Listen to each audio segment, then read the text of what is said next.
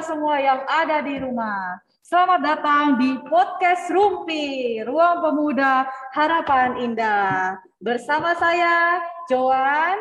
Dan saya Jaya ya. Yang akan Senang... menemani kalian di oh. podcast kita pada malam hari ini. Nah, di episode yang keenam ini merupakan topik yang luar biasa. Kita mengambil tema yang spesial. Mungkin sobat yang di rumah tahu tanggal 10 Oktober 2021 ini bertepatan dengan hari World Mental Health Day. Dan di sini kita pada malam hari ini kita akan sharing-sharing membahas tentang kesehatan mental, mental health.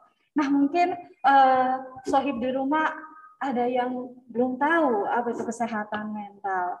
Nah, di sini kita akan membahas lebih dalam lagi dan kesehatan mental ini boleh diketahui sohib-sohib yang ada di rumah merupakan kesehatan yang dipengaruhi dari peristiwa yang pernah terjadi yang dialami seseorang dari masa lampau, masa lalu atau masa sekarang yang terjadi dan memiliki dampak besar dalam berperilaku dan berkepribadian. Dan kaitannya pada podcast pada malam hari ini adalah hubungan keluarga yang ternyata memiliki pengaruh besar terhadap kesehatan mental pemuda dan pemudi pada saat ini. Ya, Kak Joan, untuk topik yang luar biasa ini, kita sudah kehadiran narasumber-narasumber yang juga luar biasa banget. Nah, di sini di gereja kita sudah kehadiran Ibu Pendeta Debi Kalangitohata. Nanti akan berbagi banyak uh, dari sudut pandang kekristenan dan juga sudah kehadiran Om Stanley Kopalit yang merupakan perwakilan orang tua dan di Zoom kita juga ada satu narasumber lagi yang bergabung lewat Zoom ada Kak Meske Baramuli Ritiau yang merupakan psikolog remaja, anak, dan keluarga. Bagaimana kabarnya nih Bapak Ibu dan juga Kak Meske kabarnya malam hari ini? Baik. Puji Tuhan, baik. baik ya. Puji Tuhan baik. Puji Tuhan baik, Kak Meska. Luar biasa. Nah, semoga sohib muda juga yang bergabung di Zoom, di rumah masing-masing, tetap selalu dalam keadaan sehat. Nah, malam hari ini, sebelum kita masuk uh, berbincang banyak hal tentang kesehatan mental, uh, kita ingetin lagi untuk sohib muda, kalau ada pertanyaan selama sesi berlangsung, langsung drop aja di kolom chat. Nanti kita akan bacakan uh, saat sesi tanya jawab atau juga saat uh, bisa kita bahas saat obrolan berlangsung. Nah, tanpa berlama-lama, langsung saja kita mulai di sesi diskusi kita malam hari ini. Nah, mungkin kalau dari kesehatan bicaranya, orang mungkin lebih sadar mengenai kesehatan secara jasmani. Cuma mungkin orang lupa bahwa ada kesehatan mental juga. Nah, terlebih saat pandemi ini, uh, interaksi kontak fisik berkurang, sehingga orang jadi mudah stres, mudah tertekan, dan mulai muncullah isu ini hangat diperbincangkan. Nah, buat pemahaman kita semua, mungkin Kak Meske boleh share sebenarnya kesehatan mental itu apa sih Kak? Iya, kasih Kak Jaya. Selamat malam semuanya rekan-rekan pemuda di sini. Selamat malam Ibu Pendeta, uh, Bapak Stanley. Selamat malam. Iya. Malam. Baik, uh, iya. Uh, saya senang sekali sih uh, diundang gitu ya untuk membicarakan tentang kesehatan mental dan ini di dalam wilayah gereja gitu ya. Ini mungkin uh, undangan uh, yang pertama kalau untuk kesehatan mental ya benar-benar bicara tentang kesehatan mental ini mungkin yang pertama dan uh, cepat uh, cepat tanggap gitu ya karena baru lewat satu minggu kemarin gitu. Ya uh, berbicara tentang kesehatan mental benar tadi kayak kata Kak Jaya atau Jaya gitu ya kalau saya panggil uh, bahwa uh, kayaknya awareness untuk ke arah uh, kesehatan mental ini baru belakangan ini baru terdengar ataupun rekan-rekan pasti punya sosial media di Instagram baru kayaknya muncul gitu. Padahal sebenarnya udah lama Dan tapi Indonesia ini termasuk salah satu negara yang agak cukup telat, tapi sekarang lagi berlomba ke arah situ gitu ya eh, dalam akhir-akhir tahun belakangan ini. Berbicara tentang kesehatan mental, sebenarnya kalau kita boleh nyontek sedikit nih ya eh, dari WHO itu sebenarnya mereka mengatakan bahwa state of well-being.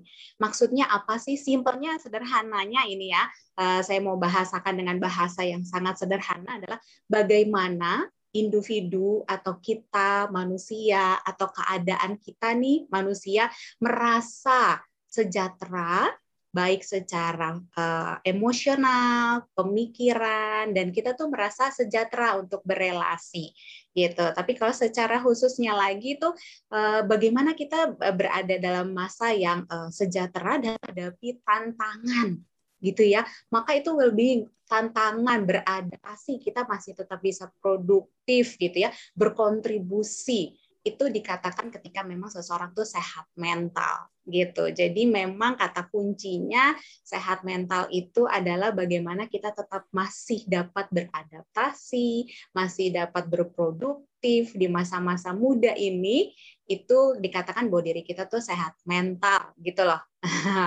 Ya. Singkatnya. Baik, Kameska. Nah, mungkin kalau dari sudut pandang psikolog, sehat mental itu erat kaitannya tadi dengan emosi, sosial.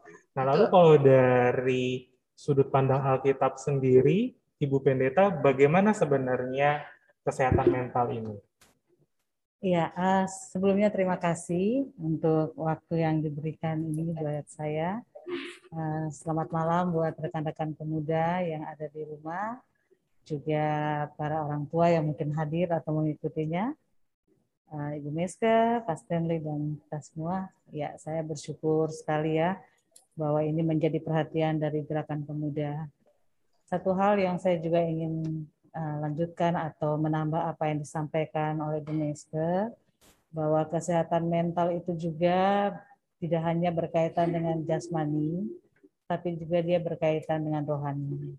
Jadi dua hal ini harus eh, kita pahami bahwa ketika kita memiliki kesehatan rohani yang baik, kesehatan mental itu berpengaruh dalam eh, perilaku hidup. Jadi kita tidak bisa hanya mementingkan salah satu pihak. Jadi kalau misalnya secara rohani tentu pasti kita harus menjaga eh, rohani kita dengan baik karena itu hal yang paling mendasar. Kalau sehat rohani, saya yakin kita akan sehat jasmani. Itu dengan sendirinya akan mengikuti. Nah, persoalannya dalam kehidupan kita ini mana yang mau kita utamakan? Apakah itu kita hanya fokus pada kesehatan jasmani, lalu mengabaikan kesehatan rohani, ini juga nggak bisa. Jadi uh, secara uh, teologi atau secara uh, harus uh, seimbang. Artinya dua-duanya harus diperhatikan. Jadi tidak bisa memilih salah satu. Ya, Mungkin itu yang bisa Betul banget. Berarti sehat jasmani itu uh, harus dibarengin dengan sehat mental supaya kita sehat paripurna ya. Jadi ya. jasmani dan rohani juga. Betul, tetapi kalau misalnya kaitan dalam keluarga nih, seharusnya kan keluarga ini menjadi support yang utama. Tetapi banyak sekali rekan-rekan pemuda, sohib-sohib yang ada di rumah mengalami depresi, keputusasaan karena perlakuan keluarga yang dianggap tidak memberikan support bagi mereka. Nah, kalau misalnya boleh tahu dari Om Stanley menurut orang tua, apakah seperti itu harus menuntut yang membuat banyak sohib di rumah mungkin depresi? Terima kasih Kak Joan. Terima kasih untuk teman-teman yang di rumah. Saya bersyukur sekali diminta menjadi narasumber pada malam hari ini saya akan sharing sedikit bagaimana support kami bagi anak-anak kami yang saat ini tergabung juga dalam gerakan pemuda di mana umur-umur umur mereka sekarang itu perlu perhatian dan perlu support. Support seperti apa yang kami berikan itu itu bukan terjadi secara instan. Kami sebagai keluarga dari awal semenjak mereka ada di dalam pelayanan anak itu, kami sudah membekali mereka bahwa hal utama yang menjadi dasar dalam kehidupan ini adalah takut akan Tuhan. Nah, itu dasar yang kami tanamkan bersama dengan dengan istri saya. Nah, ketika mereka takut akan Tuhan, maka ketika mereka menjalani kehidupan mereka setiap hari-hari itu, itu terus membayangi mereka. Namun bukan berarti tidak ada tantangan. Begitu banyak tantangan yang dihadapi terutama anak-anak anak muda anak-anak anak milenial seperti ini tentu akan sangat berbeda dengan kehidupan kami waktu muda dengan keadaan saat ini sehingga kami pun harus beradaptasi beradaptasi dengan ke keadaan seperti sekarang ini bukan kami harus mau bilang bilang ke mereka harus mengikuti apa yang dulu opa, oma bilang ke kami ya itu. Kadang-kadang mereka bilang itu sudah tidak up to date. Jadi ketika kita melihat dari kehidupan sekarang mau tidak mau kami harus bergaul erat dengan anak-anak kami apa keinginan mereka. Tapi tidak boleh keluar batas dari kehidupan beriman mereka. Itu yang yang kami tanamkan sehingga sampai saat ini puji Tuhan mereka boleh hidup sampai saat ini ya dengan baik semoga dengan support kami kami tidak mengekang kami memberi kebebasan memberi kebe, kebebasan, tapi kebebasan yang bertanggung jawab. Bertanggung jawab kepada orang tua, terlebih bertanggung jawab kepada Tuhan. Mungkin itu sedikit sebagai pembuka. Baik, Wah, ini jelas ya uh, pernyataan dari orang tua bahwa orang tua ini sebenarnya ingin yang terbaik memberikan kepada anak-anaknya. Nah, uh, namun karena pemikiran anak muda yang mengatakan ah itu zaman mama papa aja, ah itu zaman oma opa saja, nggak perlulah dilakukan seperti itu. Nah, mungkin Sohid di rumah pernah mengalami seperti itu. Tetapi bagaimana di sini kita melihat bahwa orang tua juga berusaha beradaptasi dengan anaknya dengan pemuda sekalian, bagaimana mereka mengakrabkan diri mereka kepada anak-anaknya untuk menjadi lebih baik. Lalu kalau misalnya saya mau tanya untuk Kameske dari fenomena ini nih, bagaimanakah iya. saat ini? Mm -mm. Uh, fenomena. Uh, kalau tadi sedikit tadi kan Kak uh, Joan itu menyinggung tentang depresi ya gitu ya. Uh, sebenarnya uh, kalau depresi itu kan memang sudah masuk ke dalam gangguan kesehatan mental ya. Maksudnya mungkin uh, tapi memang uh, baru aja di kami kan memang bertemu pada saat praktisi-praktisi uh, bertemu pada saat uh, 10 Oktober kemarin. Dan kita bicarakan bahwa memang akhir-akhir ini uh, di usia dewasa itu depresi itu meningkat tajam gitu ya yang mengalami depresi itu meningkat tajam memang gitu belakangan ini gitu ya uh, terkait dengan pandemi dan itu banyak di usia dewasa usia-usia rekan-rekan sohib-sohib nih saat-saat ini ya Kenapa gitu ya? Karena sebenarnya kan ini usia-usia produktif ya, usia-usia di mana pengennya aktif, tapi terkait dengan pandemi akhirnya muncullah. Tapi sebenarnya sebelum masuk masuk ke dalam depresi itu ada juga ada dulu memang wajar setiap orang itu mengalami yang namanya kecemasan ya, sedih, kecemasan, kebingungan itu masih dalam uh, kapasitas yang wajar. Dan yang kalau terkait dengan keluarga, kenapa sih kalau kita mau telusuri ke belakang, nah yang dapat kecemasan banyak gitu ya, uh, mengalami kecemasan, mengalami depresi, udah sampai ke gangguan itu memang anak-anak yang uh, punya latar belakang relasi dengan orang tua tuanya itu tidak baik. Gitu ya. E, mereka kurang merasa e, mendapatkan kasih sayang pengertian gitu ya punya hubungan yang baik dengan orang tua. Dan memang kalau secara teori itu tuh sangat berelasi e, berkolerasi itu tuh sangat dekat dan kuat uh, terkait dengan gangguan mental untuk anak-anak uh, dewasa atau rekan-rekan dewasa saat ini gitu. Jadi memang kalau dibilang kalau tadi uh, uh, Bapak Stanley wah luar biasa ya maksudnya itu harus kita akuin ya sama-sama soal di sini dan anak-anaknya tentu pasti beruntung sekali punya orang tua yang memang sadar betul akan uh, relasi itu harus dibangun, membawa anak-anak itu ke Tuhan itu harus ya, dibangun ya puji Tuhan.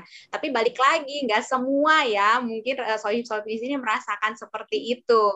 Nah, uh, tetapi ada berita kabar berita uh, baiknya nih Kak Jaya dan Kak Joan dan kita semua di sini. Di usia pemuda ini, rekan-rekan pemuda sohib-sohib ini adalah usia-usia di mana masa harusnya sudah mulai bertanggung jawab akan pikirannya, akan emosinya, akan perilakunya ke depan gitu. Kenapa? Karena secara perkembangan otaknya gitu ya di otak itu ada per, ada salah satu bagian gitu ya yang tugasnya untuk mempertimbangkan gitu ya, mempertimbangkan mau eh, problem solving itu sudah mulai genap 100% gitu ya udah mulai matang sudah bisa mengendalikan emosinya gitu. Jadi ya sudah bisa nih, sudah bisa memikirkan hal-hal yang lebih matang, lebih baik gitu. Sudah bisa mengerjakan eh, pekerjaan-pekerjaan uh, yang uh, bermacam-macam gitu. Pokoknya intinya harusnya berita baik ini membuat para pemuda yang mungkin saja mengalami kurang beruntung tanda kutip punya relasi yang kurang baik dengan orang tua masih bisa kok yuk sama-sama menggunakan kesempatan yang dari Tuhan yang ada dalam diri kita sehingga kita well-being kita sehat mental. Mungkin nanti akan kita bicarakan tips-tips yang mungkin nanti ya Kak saya balikin dulu. Jadi tapi sebenarnya itu berita baik yang akan kita bicarakan ke depannya. Baik, Kak Meske. Uh, kita mendengarnya sungguh luar biasa ya. ya. Jadi sebenarnya kita dengan usia seperti ini, usia pemuda saat ini, sebenarnya kita harus bisa bertanggung jawab ke depannya. Bertanggung jawabnya ini seperti apa? Karena umur kita sudah dewasa, pola pikir kita sudah dewasa, kita harus bisa mengontrol emosi kita. Jadi memang jika ada peristiwa yang masa lalu yang tidak baik atau hubungan keluarga yang tidak baik, harusnya kita bisa mengontrol diri kita sendiri ya kak ya. Luar biasa. Ini untuk pelajaran juga soi-soi di rumah. Jangan ya. mudah depresi, jangan mudah putus asa. Pasti ada jalan keluar ya Kak Jaya. Betul banget Kak Joa. Uh, jadi memang tadi kalau Kak Meis kepaparkan bahwa ya kita sohib muda uh, sudah seharusnya bertanggung jawab terhadap diri kita sendiri. Tapi nggak bisa dipungkiri bahwa keluarga itu ada lingkungan pertama dan terdekat kita. Jadi sebenarnya Bu Pendeta, bagaimana sih peranan keluarga, utamanya keluarga Kristen nih, menjadi faktor penting bagi anak-anak muda, sohib muda bisa bertumbuh secara rohani. Nah iya, e, begini Kak Jaya. Kalau untuk bicara tentang keluarga Kristen, saya mulai dari keluarga. Keluarga itu apa sih? Siapa sih yang ada dalam keluarga? Ya pasti ada orang tua dan kita anak-anak. Jadi menjadi satu unit yang utuh.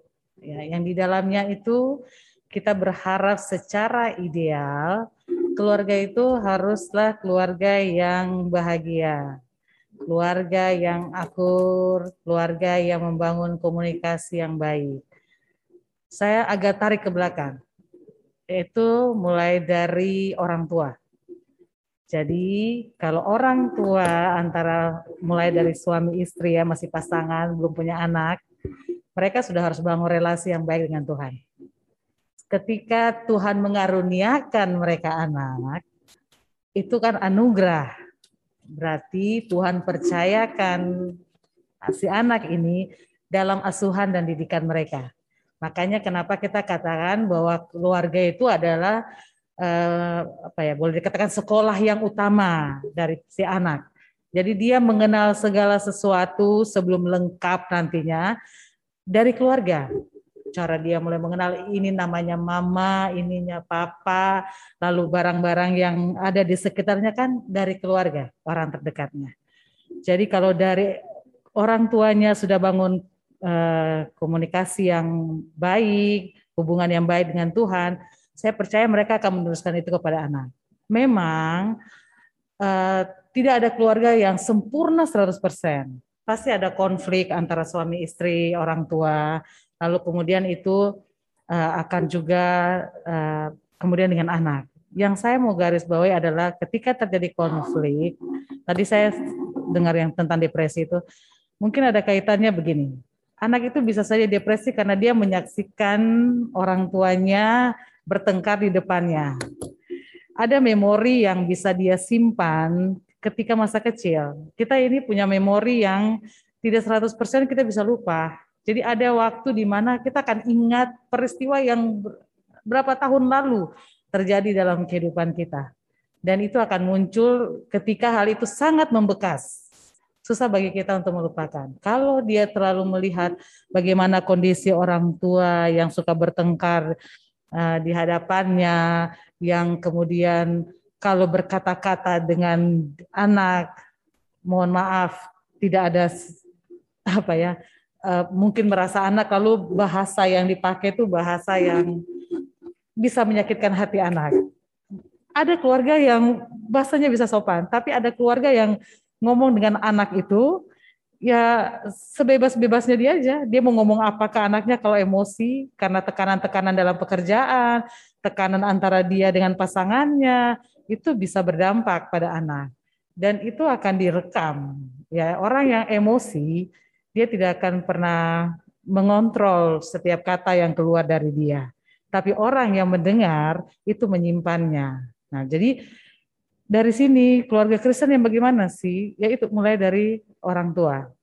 Orang tua pasangan suami istri itu harus hidup takut akan Tuhan. Lalu itu akan berpengaruh pada si anak. Jadi ketika mereka hidup takut akan Tuhan, keluarga di Alkitab salah satu contoh ya, Timotius. Ya, Timotius itu dia tumbuh, dia mengenal firman Tuhan dari kecil karena oma dan ibunya karena papanya atau ayahnya itu seorang Yunani yang tidak mengenal Allah. Ya, kalau lihat dari keluarga ini kan satu kenal Allah, ibunya dan oma, sementara si bapak sama sekali nggak mengenal Allah.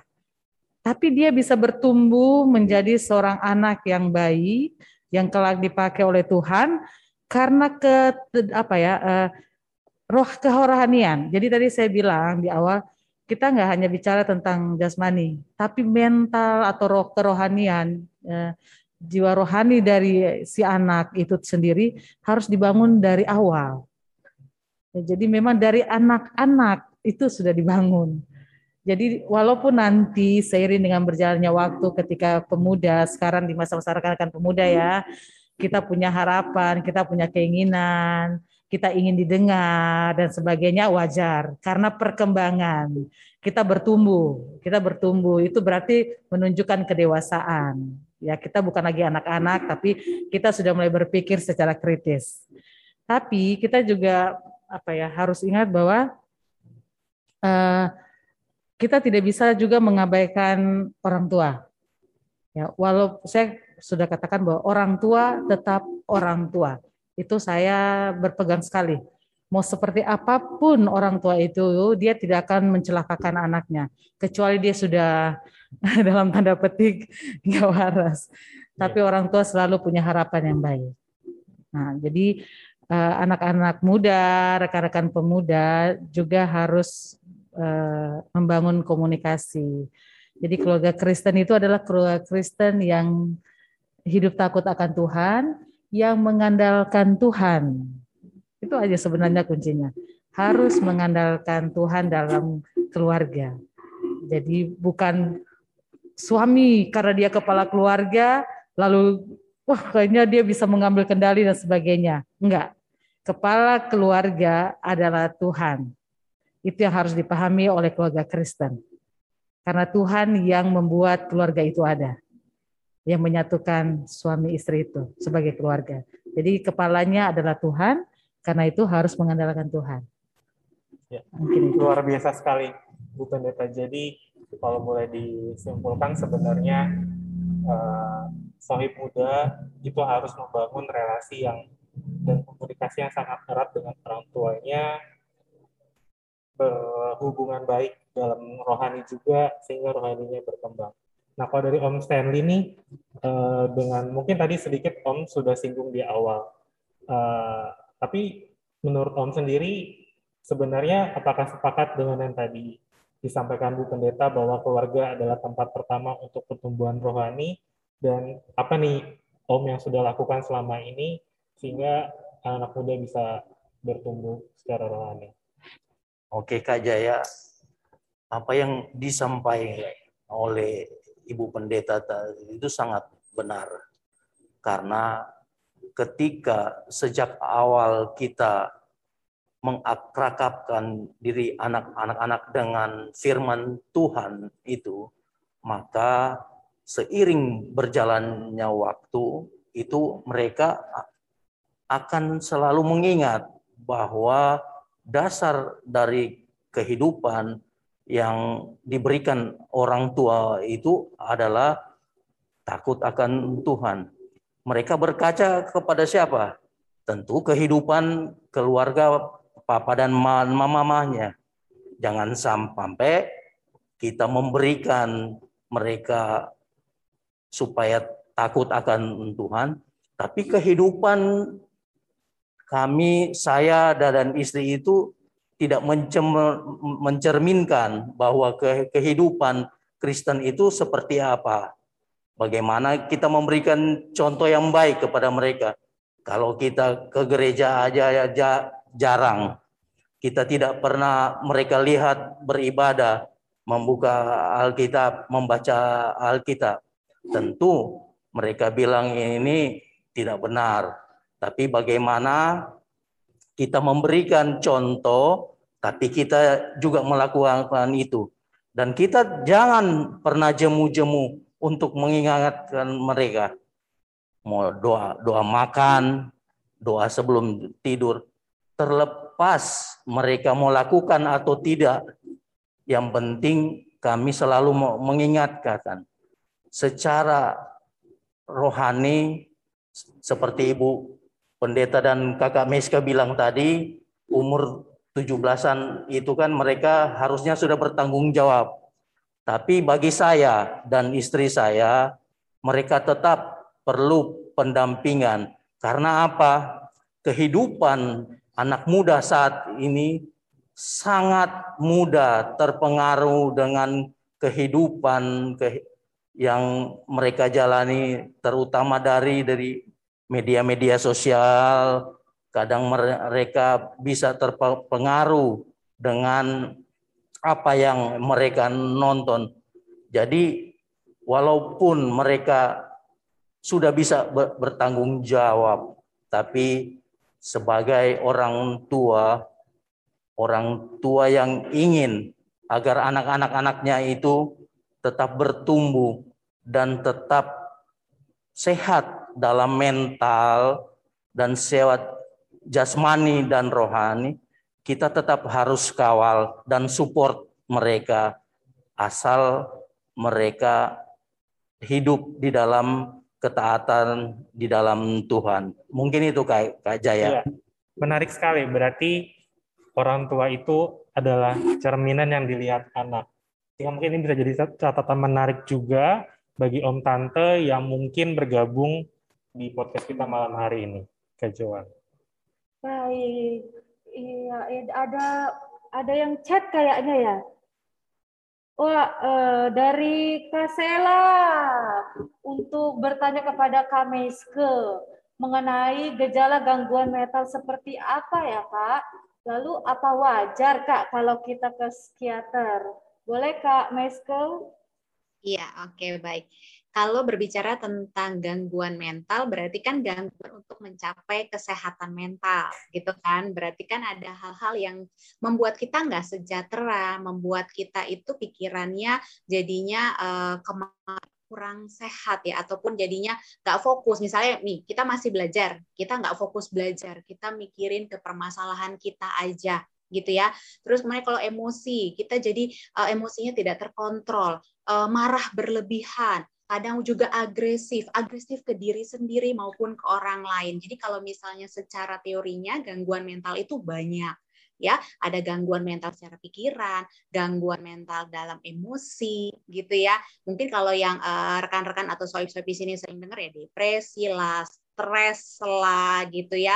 Uh, atau yang paling parah schizophrenia gitu itu adalah gangguan-gangguan mental. Ada juga gangguan-gangguan kecemasan gitu. Yang membedakan uh, ini kita uh, manusia ya wajar. Kalau kita cemas ya nggak sih? Wajar dong kalau kita sedih wajar dong kalau kita marah. Namanya juga manusia dan Tuhan juga menciptakan emosi-emosi itu ya sebagai suatu pesan atau uh, tanda gitu ya terhadap situasi-situasi. Jadi kita punya uh, bekal gitu ya kita harus ngapain. Tetapi kalau dia sudah masuk gangguan-gangguan mental clue sederhananya adalah itu sudah mengganggu aktivitas kita sehari-hari Misalnya, sedih berkepanjangan, kita enggan untuk misalnya makan, minum, kita nggak kita mengunci diri, kita nggak mau bersosialisasi lagi, kita sudah tidak lagi produktif. Ingat yang tadi bahwa sehat mental itu pasti produktif, pasti berinteraksi dengan orang lain, gitu ya. Nah, tapi kalau kita sudah tidak masuk kriteria itu dan sudah mengganggu aktivitas sosial, mengganggu interaksi dengan keluarga, gitu ya.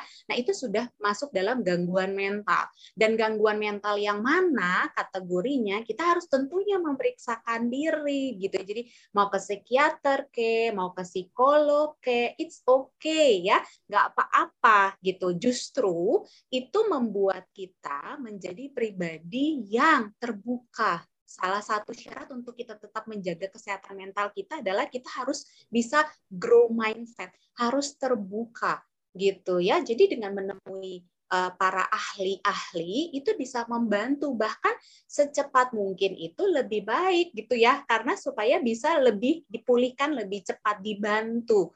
Begitu. Mungkin sudah cukup?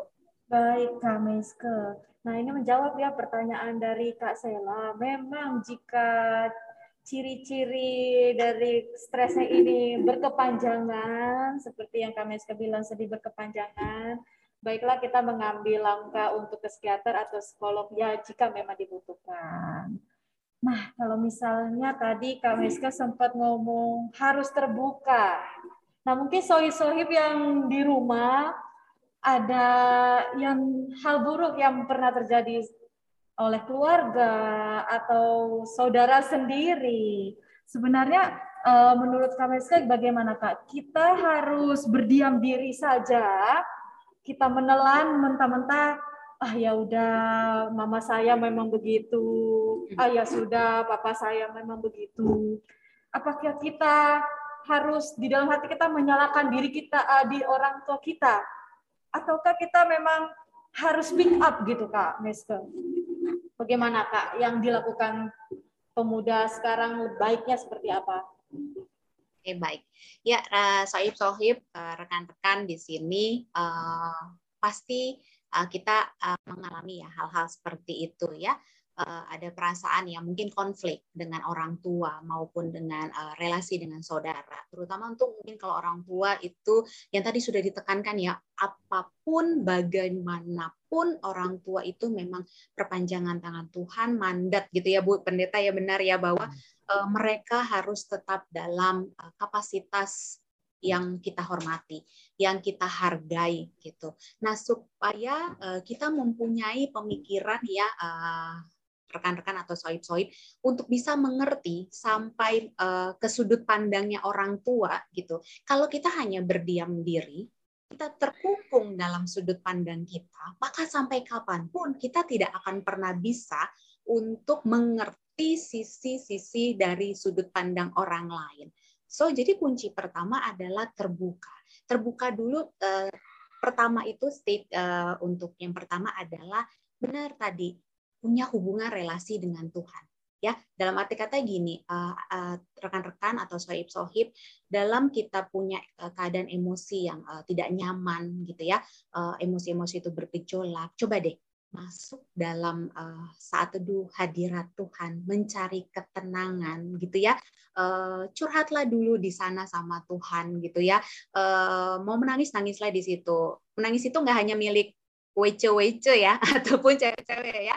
Ataupun kalaupun ya. nggak yeah. menangis, um, ya ceritalah sama Tuhan, masuk dalam hadirat Tuhan, uh, berdoa saat teduh, masuk hening, ya itu adalah pertama untuk kita bisa menyadari bahwa apa sih yang kita rasain, kita lagi kenapa sih gitu ya.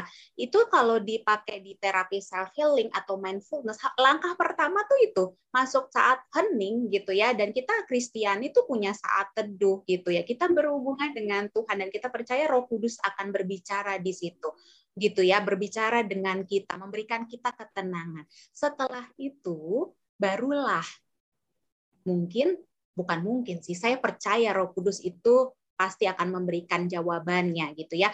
Nah, terbukalah kedua dengan misal orang dewasa yang kita percayai, yang memang eh, atau rekan atau sahabat yang pastinya kita tahu dia akan membawa ke jalan yang benar ya, bukan yang tidak benar gitu. Maka terbukalah untuk itu, cerita untuk itu. Dan saya percaya ketika kita masuk dalam saat hening itu, kita peka akan suara Tuhan, Tuhan akan bantu kita, kita harus ke mana sih gitu ya kita harus berbagi sama siapa tapi memang tidak bisa dalam kesendirian gitu ya tidak menarik diri juga.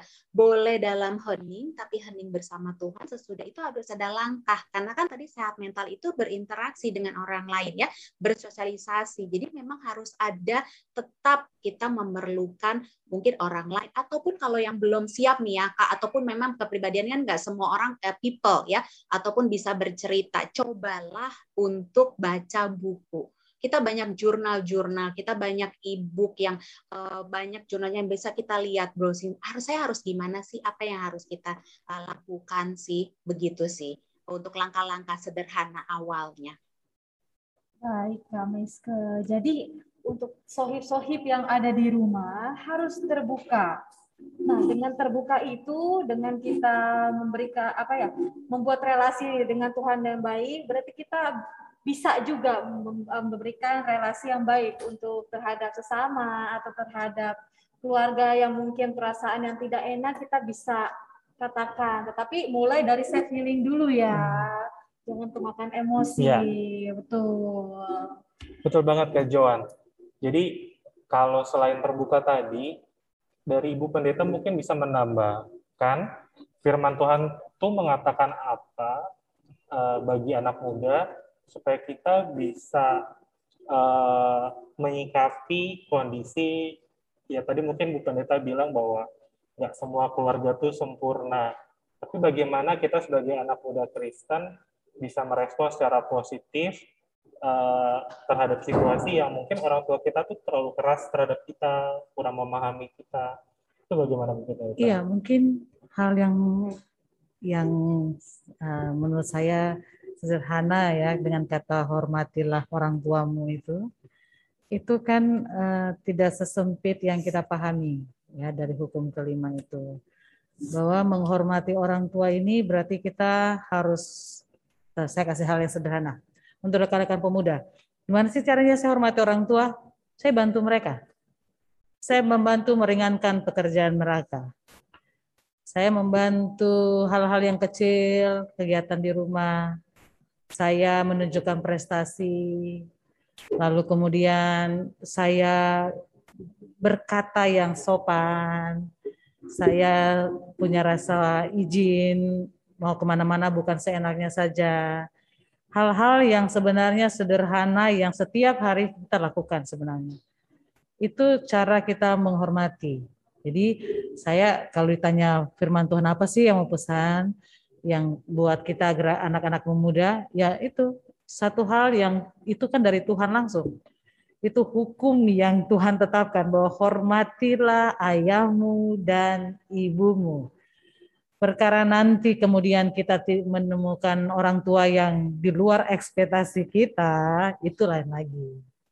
Tapi kita memang harus menghormati. Tadi sudah disampaikan oleh Ibu Meske bahwa hal yang penting adalah terbuka. Saya setuju memang, tadi saya juga ingin menambahkan bahwa harus ada komunikasi yang terbuka. Jadi kita bicara tentang kedewasaan. Kita ini bukan anak-anak. Kita sudah bertumbuh dan bergaul dengan banyak orang. Kita suka pakai istilah begini, umur boleh tua, tapi kelakuan kok anak-anak.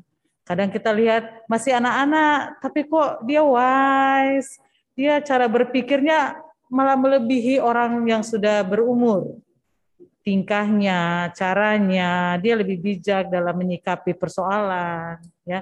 Jadi bukan masalah umur, tapi bagaimana dia melatih diri. Jadi anak muda itu kita mau jadi dewasa itu ada proses. Saya selalu mau katakan bahwa untuk menjadi dewasa itu ada prosesnya. Proses untuk berpikir lebih baik, proses untuk mengendalikan diri, proses untuk kemudian menyikapi setiap persoalan yang kita hadapi, proses di mana kita juga memahami orang lain. Kalau anak-anak muda bisa memahami rekannya, berarti dia juga harus bisa memahami orang tuanya. Itu sikap kedewasaan sebenarnya yang diminta juga dari kita sebagai pemuda Kristen. Kita belajar untuk pahami, eh, pahami mengapa sih orang tua kita memiliki alasan seperti itu.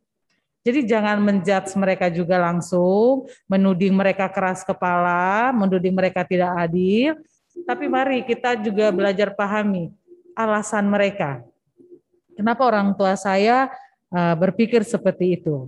Nah, ketika kita memahami alasan mereka, ya komunikasikan komunikasikan, kita terbuka, kita bicarakan apa yang menjadi kegelisahan kita, apa yang menjadi beban pikiran kita, kan kita lebih tahu orang tua kita.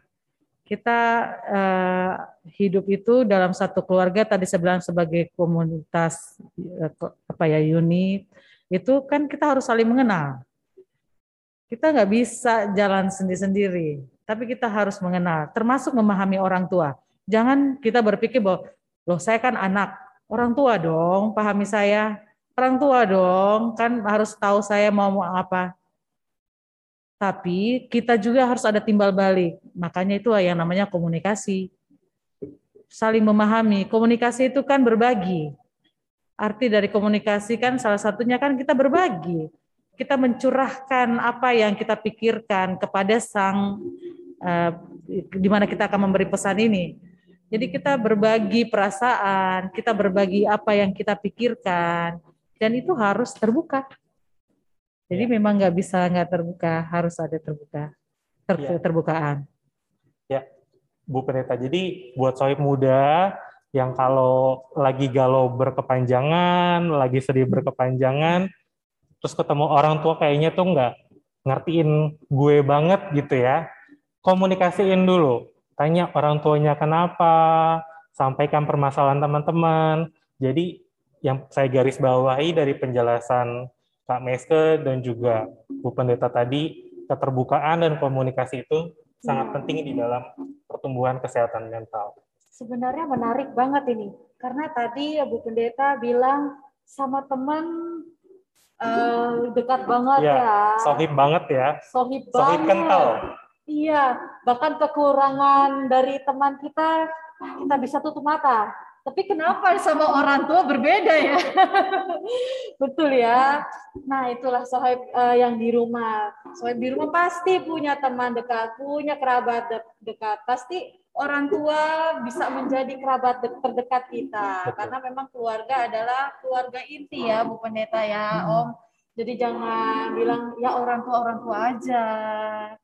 Harus peduliin kita dong, ngertiin kita dong. Justru kita juga sebagai pemuda, pemudi yang di rumah, kita harus mengerti juga bagaimana sudut pandang orang tua, kita mencari jalan tengahnya. Jadi kita memberikan apa ya? Komunikasinya ini win-win solution. Luar biasa. Ya, Kajuan mungkin dari perbincangan kita yang udah berlangsung beberapa menit ini bisa kita simpulkan bahwa sebenarnya kesehatan mental itu penting banget. Cuma pertanyaan berikutnya adalah kalau kesehatan jasmani mungkin kita bisa peliharanya dengan olahraga, gaya hidup sehat. Tapi pertanyaannya nih buat Kak Meske dan juga mungkin buat Ibu Pendeta, bagaimana nih kita sohib muda memelihara kesehatan mental kita? Dari Kak Meske dulu boleh?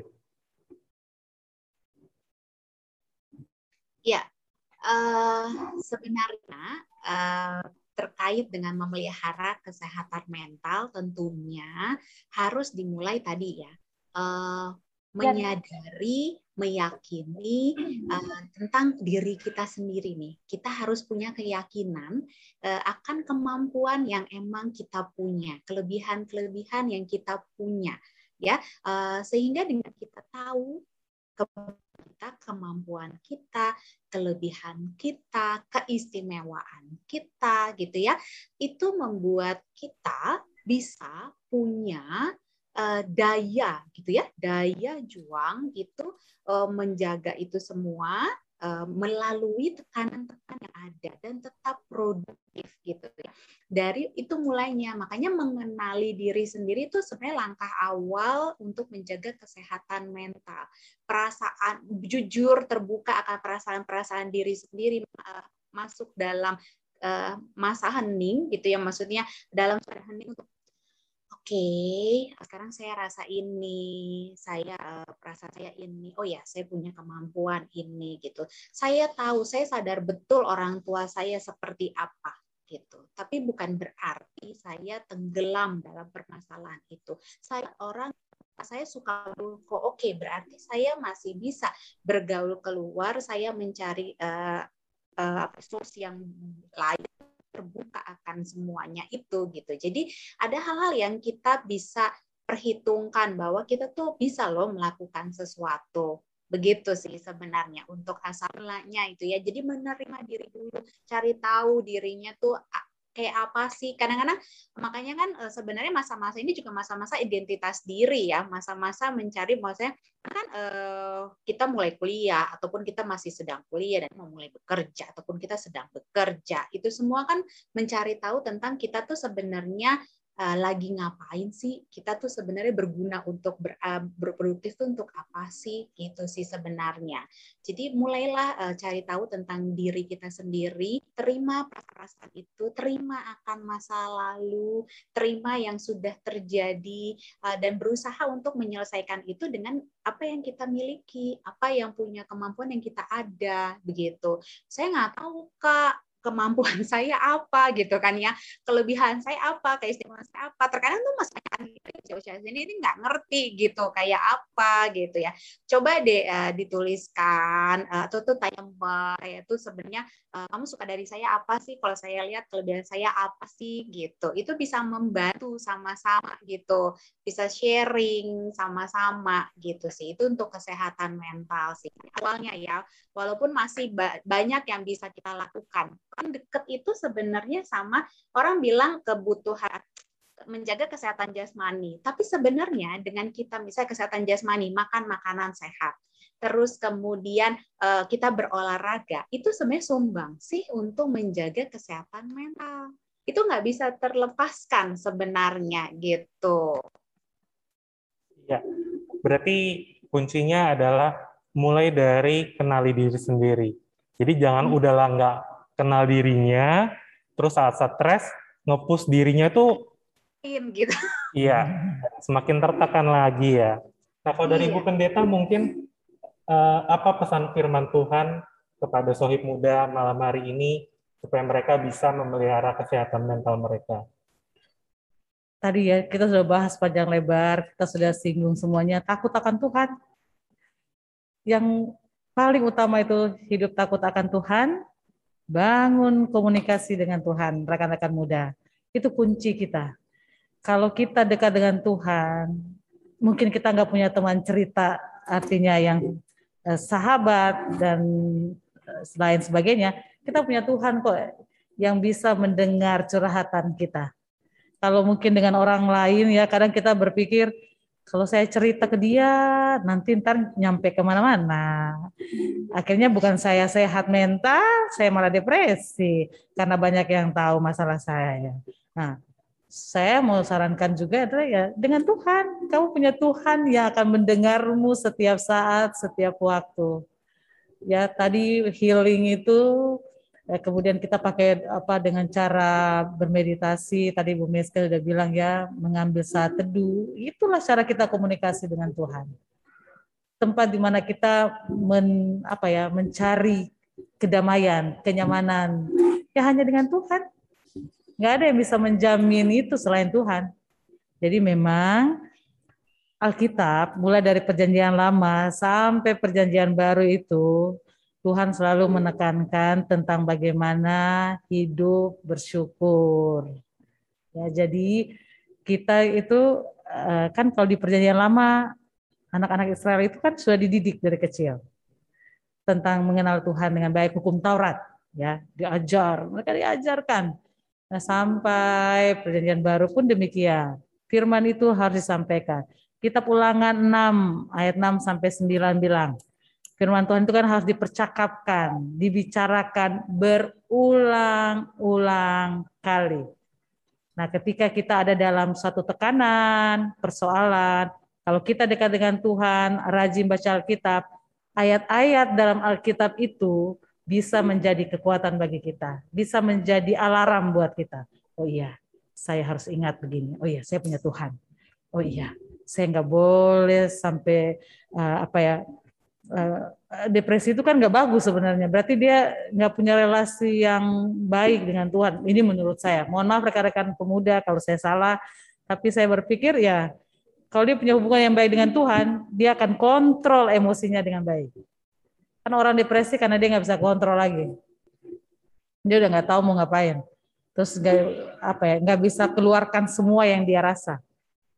Jadi ya dia ada pada tekanan-tekanan yang dia buat sendiri kan sebenarnya uh, yang bisa membebaskan kita dari tekanan itu kita sendiri, nggak ada orang lain. Orang lain itu hanya sarana untuk menolong. Biar uh, saya pakai bahasa begini, biar mau ngomong sampai berbusa, tapi kalau dari diri kita sendiri tidak mau ber, apa, berusaha, yang nggak akan pernah, nggak akan pernah bisa. Jadi kembali pada diri sendiri benar yang kata Bu Meske tadi, benar segala sesuatu itu sumbernya ada pada diri sendiri. Ya. Betul sekali. Jadi ini buat soib-soib semua, soib muda semua di rumah, mari kita refleksikan kembali nih malam hari ini bagaimana hubungan kita sama Tuhan ya, hmm. Ibu Pendeta. Jadi mungkin kalau yang uh, sekarang ngerasain kayaknya saya stres berkepanjangan, coba diperiksa lagi bagaimana hubungan kita dengan Tuhan. Sudahkah kita akrab dengan Tuhan lewat baca firman Tuhan, berdoa, dan berhubungan dengan orang tua di rumah. Betul, dan kita harus mengenali diri sendiri ya. Memang terkadang sulit untuk mengenal diri sendiri dan menerima diri sendiri. Kadang-kadang kita nggak terima ya, kenapa saya dilahirkan seperti ini, kenapa saya dilahirkan dengan berbadan pendek atau kepribadian-kepribadian lain yang sepertinya mengganggu kehidupan kita. Tapi semuanya itu balik lagi ke kita sendiri dan kita bisa uh, apa ya memberikan relasi yang baik dengan Tuhan. Jadi kita juga apa merasa tenang, merasa aman dan kita bisa ya tadi yang Kak Meska bilang hidup ya uh, sejahtera. Kalau kesehatan mental itu kan berarti kita hidup sejahtera, hidup bahagia, kita bisa berproduktif, kita bisa berinteraksi satu sama lain. Seperti Mungkin itu ya, saya, Jaya. Saya tambahkan, eh, jangan lupa bersyukur. Bersyukur. Bersyukur. Kunci utama juga dalam kehidupan kita itu bersyukur. Orang bisa menerima dirinya apa adanya, itu kan dia bersyukur. Karena dia bersyukur, dengan bersyukur dia menerima semua kekurangannya, dia bisa menerima kekurangan orang tuanya, dia bisa menerima segala sesuatu yang terjadi dalam dirinya. Ya itu, bersyukur aja. Bersyukur bahwa ya, apa ya, dengan bersyukur akhirnya kita terima kenyataan. Oh ya, seperti ini yang saya alami tapi saya juga harus bangkit. Artinya kalau ada masalah ya saya juga jangan terima-terima tapi saya harus bangkit, saya harus uh, apa ya hidup ini terus berjalan loh. Kamu nggak stuck sampai di situ. Kamu harus bangkit, kamu harus berjalan dan itu dimulai dengan rasa saya bersyukur.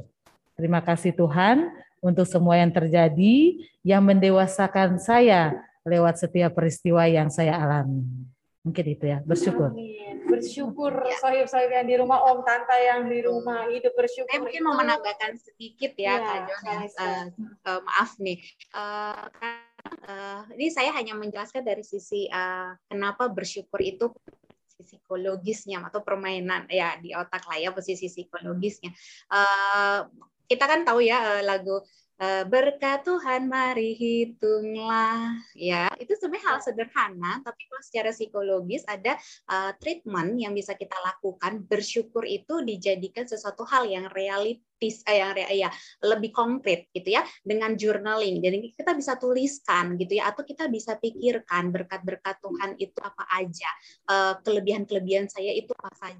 Apa sih yang hal positif ada di uh, di dalam diri orang tua saya, saudara saya gitu ya. Se sehingga itu membangun dan mengaktifkan uh, bagian dari otak kita untuk pertimbangan. Oh, ternyata ayah saya uh, atau ibu saya nggak melulu jadi di change gitu ya.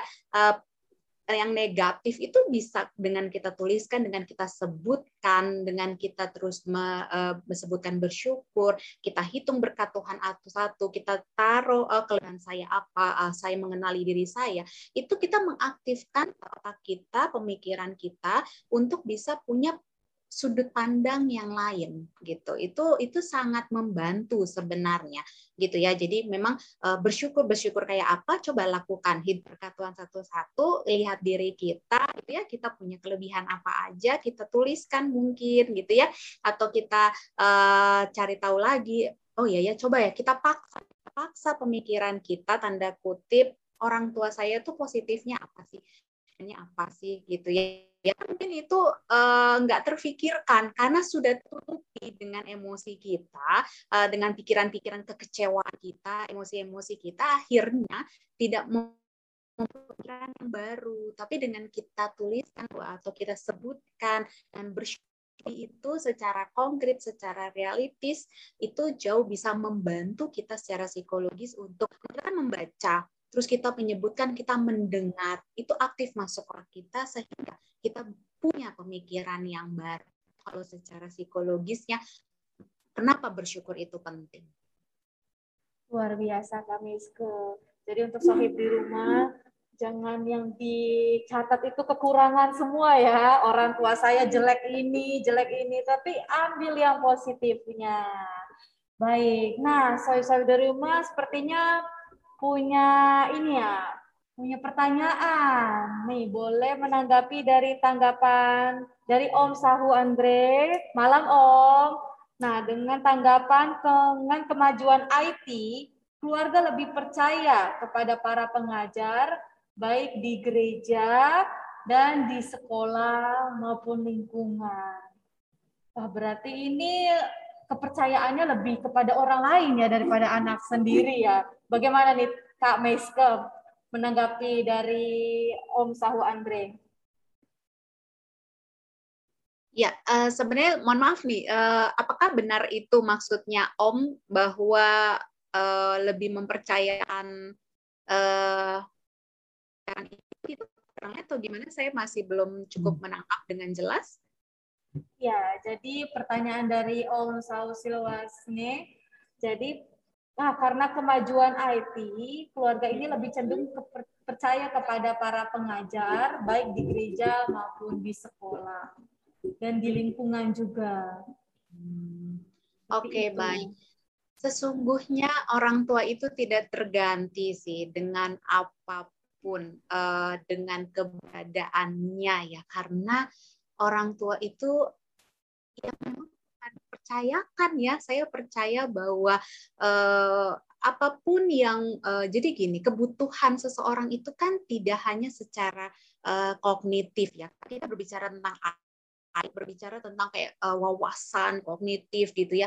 Nggak hanya itu tapi uh, manusia itu uh, individu itu punya kebutuhan emosional gitu ya yang tidak tergantikan dengan yang lain yang tadi Ibu Pendeta juga bilang bahwa support yang pertama itu antitipkan itu keluarga ya. Peran orang tua itu sangat mengisi uh, kebutuhan emosi anak dari yang mulai usia anak-anak sampai dewasa mereka punya porsi mem, uh, memiliki kebutuhan emosional yang nggak bisa saya rasa begitu ya. Jadi uh, ya bolehlah kita menerima ya saya mengerti saya memahami uh, bapak bahwa kita kayak udah kalah saing ya gitu ya. Maksudnya mereka kayaknya jauh lebih pintar pengajar di sana juga jauh kayaknya lebih pintar gitu ya. Tapi percayalah bahwa kebutuhan emosi yang anak butuhkan itu dari orang tua itu tidak tergantikan uh, oleh pihak mana pun gitu ya.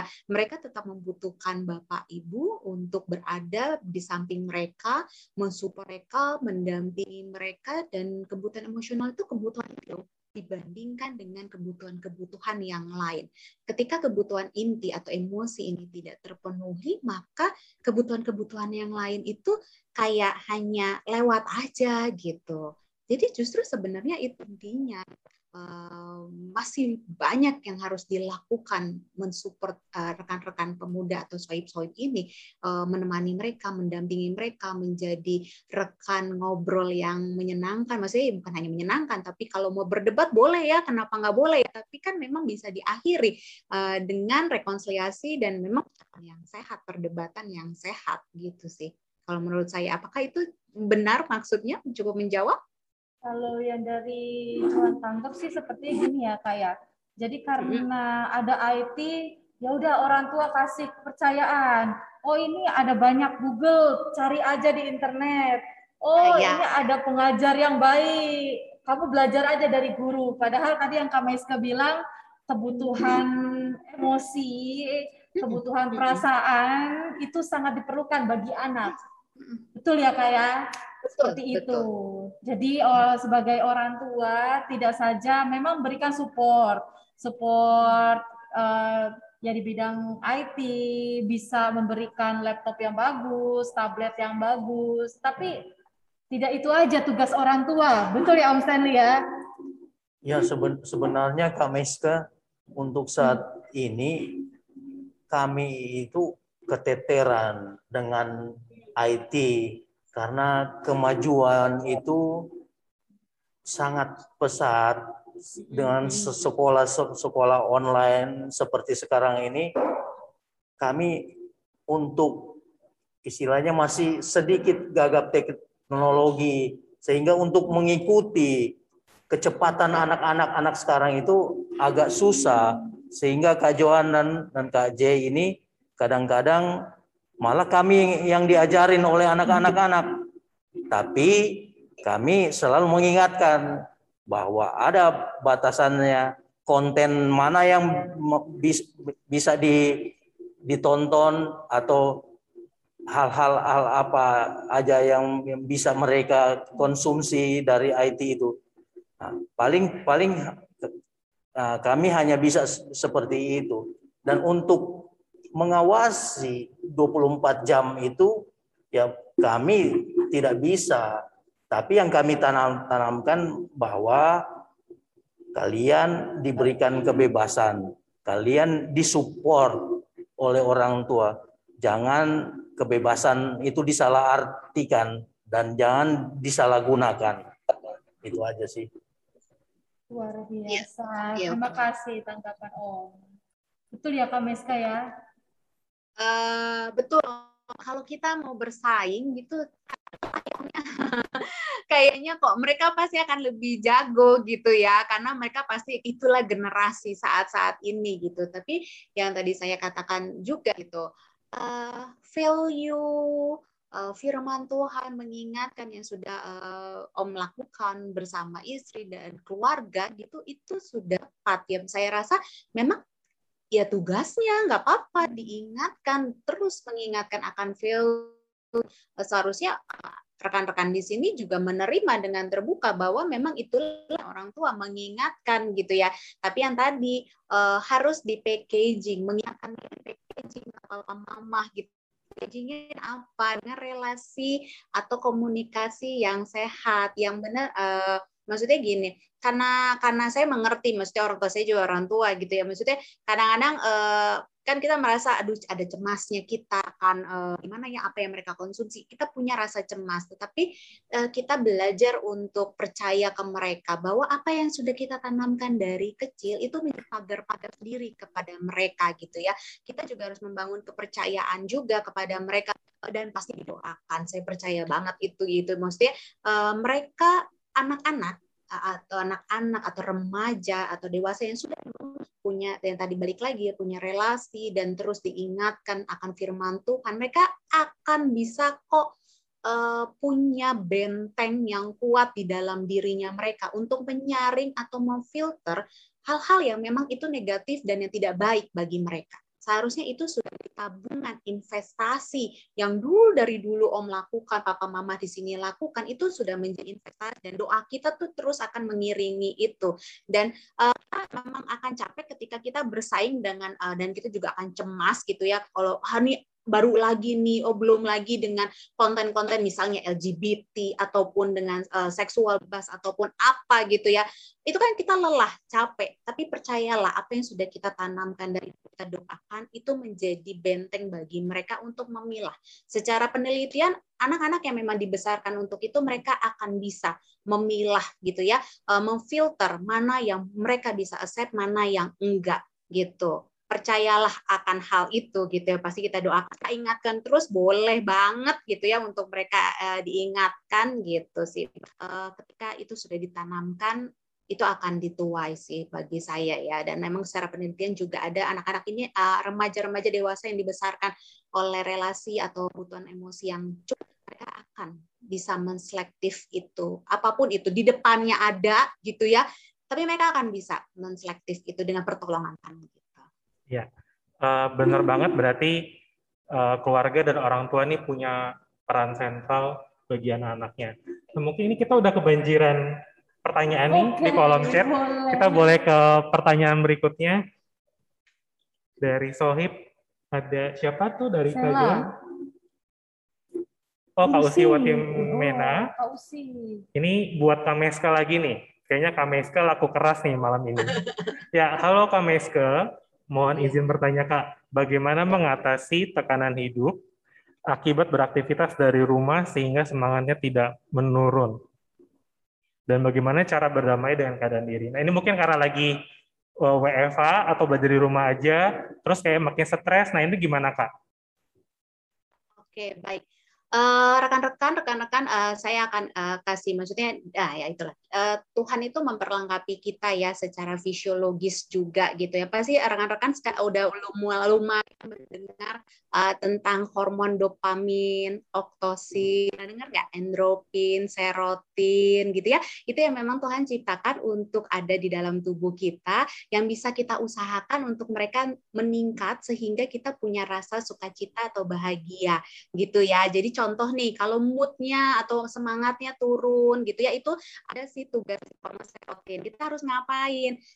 Kuncinya satu tadi, masuk hening berdoa, beribadah. Itu kuncinya untuk masuk dalam meningkatkan hormon untuk jauh lebih uh, moodnya itu terkendali. Kemudian berjemurlah gitu ya, keluarlah, hiruplah udara segar gitu ya, ketemu matahari, menikmati keindahan alam, itu meningkatkan, uh, menstabilkan moodnya gitu. Jadi memang hormon-hormon itu harus di uh, sentuh gitu loh kak. Harus harus ada dicolek sehingga itu meningkat. Kemudian kayak ada ada ini hormon yang disebut painkiller gitu ya supaya nggak terlalu sakit akan tekanan hidup harus ngapain? Berolahragalah gitu ya.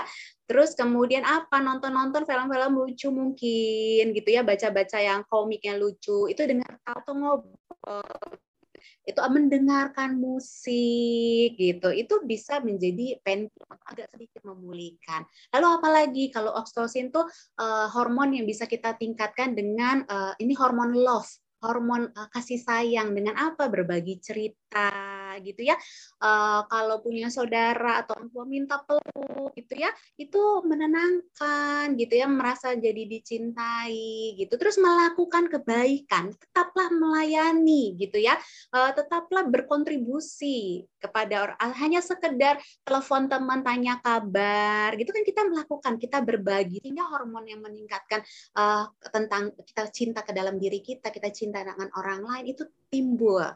Nah, terus ada hormon-hormon yang reward, misalnya hormon reward tuh dopamin, itu hormon yang makan enak, favorit, yang lupa nih makan apa yang saya sukain, coba deh makan gitu ya. Terus tetap tidur cukup atau mandi air hangat. Itu hal-hal yang bisa menolong uh, secara uh, fisiologis meningkatkan uh, psikologisnya, hormon-hormon yang membuat tenang, membuat merasa dicintai, lebih semangat lagi. Jadi memang kesehatan mental itu yang katakan itu proses ya, proses pendewasaan juga, proses pertumbuhan iman juga. Jadi itu proses harus diusahakan kak, rekan-rekan di sini nggak bisa kita cuma diam, gitu nggak bisa, harus diusahakan. Ya. Begitu. Jadi uh, kuncinya jangan sibuk beraktivitas terus, tapi juga uh, cari aktivitas-aktivitas baru, eksplor hobi baru, dan ya, juga jangan lupa penuhi kebutuhan emosi, kebutuhan bersosialisasi itu juga harus tetap jalan ya, walaupun hanya lewat mungkin call WA malam-malam gitu. Saya sama temennya yang udah lama nggak ketemu ya kak. Oke, okay. ya, mungkin pertanyaan berikutnya Kak Joan boleh bantu bacakan? Baik, pertanyaan dari Kak Egi mau bertanya kepada Om Stanley nih. Sebagai seorang ayah, bagaimana tindakan kepada anak di masa remajanya itu anak suka banget ya nongkrong sama teman-temannya sampai larut malam. Apakah cenderung dibebaskan saja atau justru anak-anak itu wajib di rumah saja jika tidak ada kegiatan di sekolah atau di gereja? Bagaimana Om? Terima kasih Kak Joan. Saya juga kan pernah muda. Dan nongkrong itu hal yang wajar. Cuma ada hal-hal yang berbeda ya saat ini karena tahun-tahun tahun ini kita tahu bersama bahwa pandemi belum berakhir sehingga itu yang membuat saya dan keluarga itu sedikit membatasi untuk nongkrong karena ya masih pandemi ini. Tapi sebelum pandemi ini karena kami juga tahu bahwa anak-anak kami itu berteman dengan siapa sih? Lingkungan mereka di mana sih? Mereka nongkrong di mana? Dan anak-anak saya sih selalu memberikan laporan bahwa akan pergi ke sini dengan siapa-siapa aja dan yang penting saya sangat concern dengan jam pulang. Kalau saya bilang pulang jam 11 itu harus pulang jam 11. Dan itu hampir selalu mereka lakukan. Saya tidak membatasi karena dari awal saya bilang saya yakin dan saya percaya anak-anak saya ini. Mereka tidak akan berbuat apa yang dilarang oleh orang tua. Karena ketika kita apa ya maksudnya tidak memberikan izin mereka akan mencari cara mereka nongkrong malah menjadi hal-hal yang yang tidak baik sehingga saya percaya ketika saya juga muda, saya bertanggung jawab dengan kehidupan saya dan doa kami juga saya percaya bahwa anak-anak kami akan bertanggung jawab bertanggung jawab dengan tongkrongan mereka. Terima kasih. Baik.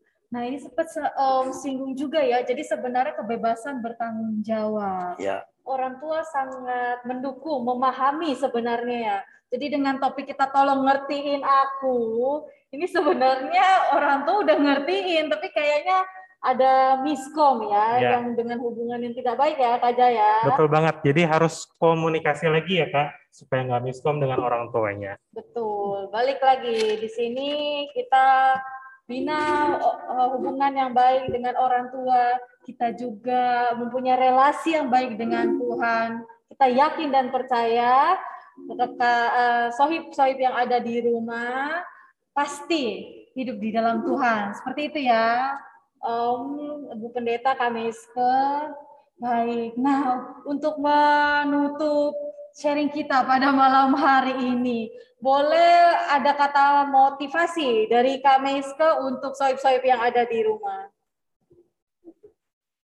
Ya, uh, berbicara tentang kesehatan mental, soib-soib rekan-rekan yang terkasih, uh, itu sesuatu yang perlu kita usahakan, ya. Uh, apa pun yang kalian alami gitu ya terkait dengan perasaan-perasaan yang kalian alami gitu perasaan yang tidak nyaman gitu langkah pertama masuklah dalam hadirat Tuhan ya dalam saat hening gitu ya cari Tuhan dulu gitu ya berdiam gitu ya dengan hal-hal yang bisa kalian atur nafas kalian bisa uh, atur nafas pelan-pelan inhale exhale gitu ya nikmati. Kalau perlu dengan instrumental ya musik uh, bacalah Alkitab itu adalah obat pertama gitu ya pertolongan pertama untuk menjaga kesehatan mental sebelum uh, kalian melakukan hal-hal yang lain. Saya pikir sebagai Kristiani itu hal yang yang sering terlupakan padahal itu sangat bisa dipertanggungjawabkan dan itu works uh, yang Tuhan sudah uh, ingatkan kita pada malam hari ini saya rasa itu perlu kita jalankan. Sesudah itu terima perasaan itu ya uh, memang dalam keadaan yang memang yang tidak menyenangkan atau tidak nyaman terima itu. Kemudian uh, tidak apa-apa kok kalau hari ini mengalami itu tidak apa-apa. It's okay gitu ya. Coba lagi eh, untuk menerima lagi, besoknya lagi, coba lagi untuk menerima. Dan tetap coba hitung berkat Tuhan satu-satu uh, tentang diri kita maupun orang tua kita ataupun keluarga kita, rekan kerja kita, rekan sepelayanan kita, pasti Tuhan izinkan semua itu terjadi untuk kedewasaan kita menuju kesehatan mental yang baik pasti. Ketika memang kalian sudah bisa melakukan itu semua, papa mama juga pastinya perlu waktu untuk juga menjaga mental sudah melakukan itu, sudah mulai untuk sedikit demi sedikit menerima perasaan-perasaan itu, menerima masa lalu itu dan sudah bisa menghitung berkat Tuhan atau melihat sisi-sisi positifnya papa mama, rekan-rekan semua itu sudah mengusahakan menjaga kesehatan mental. Dari saya itu. Baik, Kak Meske. Boleh dari Bu Pendeta, ada kata motivasi untuk soib-soib yang ada di rumah? Ya, mungkin saya mulai awali dengan carilah Tuhan selama ia berkenan untuk ditemui. Jadi, apa pun yang terjadi dalam hidup rekan-rekan pemuda, lihatlah itu sebagai satu pembentukan. Ya, jadi, ada masa-masa di mana Tuhan izinkan kita untuk mengalami berbagai tekanan semua itu untuk mendewasakan kita dan semua itu sebuah proses untuk semakin dekat dengan Tuhan. Jadi kita tidak pernah sendiri. Rekan-rekan harus ingat bahwa kita nggak pernah sendiri kok dalam hidup ini. Kalau orang tua mengabaikan kita, kalau teman-teman kita mengabaikan kita, kita punya Tuhan. Kita punya Tuhan yang selalu ada di kita. Jadi jangan takut, tetap semangat, jalanilah semua proses yang kalian temui dalam hidup ini karena ini nggak akan pernah terulang. Artinya masa muda kalian tuh nggak akan terulang lagi. Jadi ketika masa muda ini kalian mengalami berbagai banyak tekanan persoalan pergumulan nikmati. Nikmati hadapi minta pertolongan Tuhan supaya ke depannya kita lebih baik lagi. Saya yakin kalian pasti bisa. Ini adalah sebuah proses menuju pertumbuhan iman jadi kita akan bangkit, kita akan berjalan bersama dengan Tuhan karena kita punya Tuhan yang luar biasa. Tuhan yang tidak pernah meninggalkan kita dan tidak tidak pernah membiarkan rekan-rekan pemuda jatuh sampai tergeletak. Mungkin itu dari saya. Terima kasih Bu Pendeta. Dari Om Stanley kata motivasi Om untuk sohib yang di rumah. Untuk sohib-sohib di rumah, keluarga cemara aja ada konflik. Setiap keluarga pasti ada konflik. Yang menjadi support bagi sohib-sohib itu jangan pernah menganggap diri kita ini tidak lebih baik dari orang lain. Yakinlah bahwa diri kita ini diberikan talenta oleh Tuhan. Apakah itu lima, dua, atau satu, kalau kita mau kembangkan talenta yang Tuhan berikan, maka kita akan berguna bagi diri kita sendiri, bagi keluarga, bagi gereja, dan bagi masyarakat. Terima kasih. Ya, terima kasih Om Stanley. Tidak terasa nih, Kak Joan, kita sudah hampir satu jam ngobrol-ngobrol. Seru banget topik kita malam hari ini. Kami percaya informasi sharing-sharing yang dibagikan oleh ketiga narasumber uh, bisa bermanfaat, mudah-mudahan menjadi berkat bagi sohib muda dan semua om tante yang bergabung malam hari ini. Terima kasih untuk ketiga narasumber, Ibu Pendeta, Kak Meske, dan Om Stanley, dan juga semua sohib muda dan orang tua yang sudah bergabung pada malam hari ini. Dan jangan lupa teman-teman, uh, follow terus uh, podcast Rumpi di Spotify. Jadi mungkin teman-teman mau dengerin lagi obrolan kita malam ini dan juga follow juga Instagram GP Harapan Indah biar tahu nih update-update kegiatan pemuda di Harapan Indah. Oke, itu saja mungkin podcast Rumpi malam hari ini. Terima kasih banyak. Saya Jaya Saya dan Joan. dan Joan dan ketiga narasumber pamit. Terima kasih dan sampai jumpa di episode Rumpi selanjutnya. Selamat malam teman-teman semua.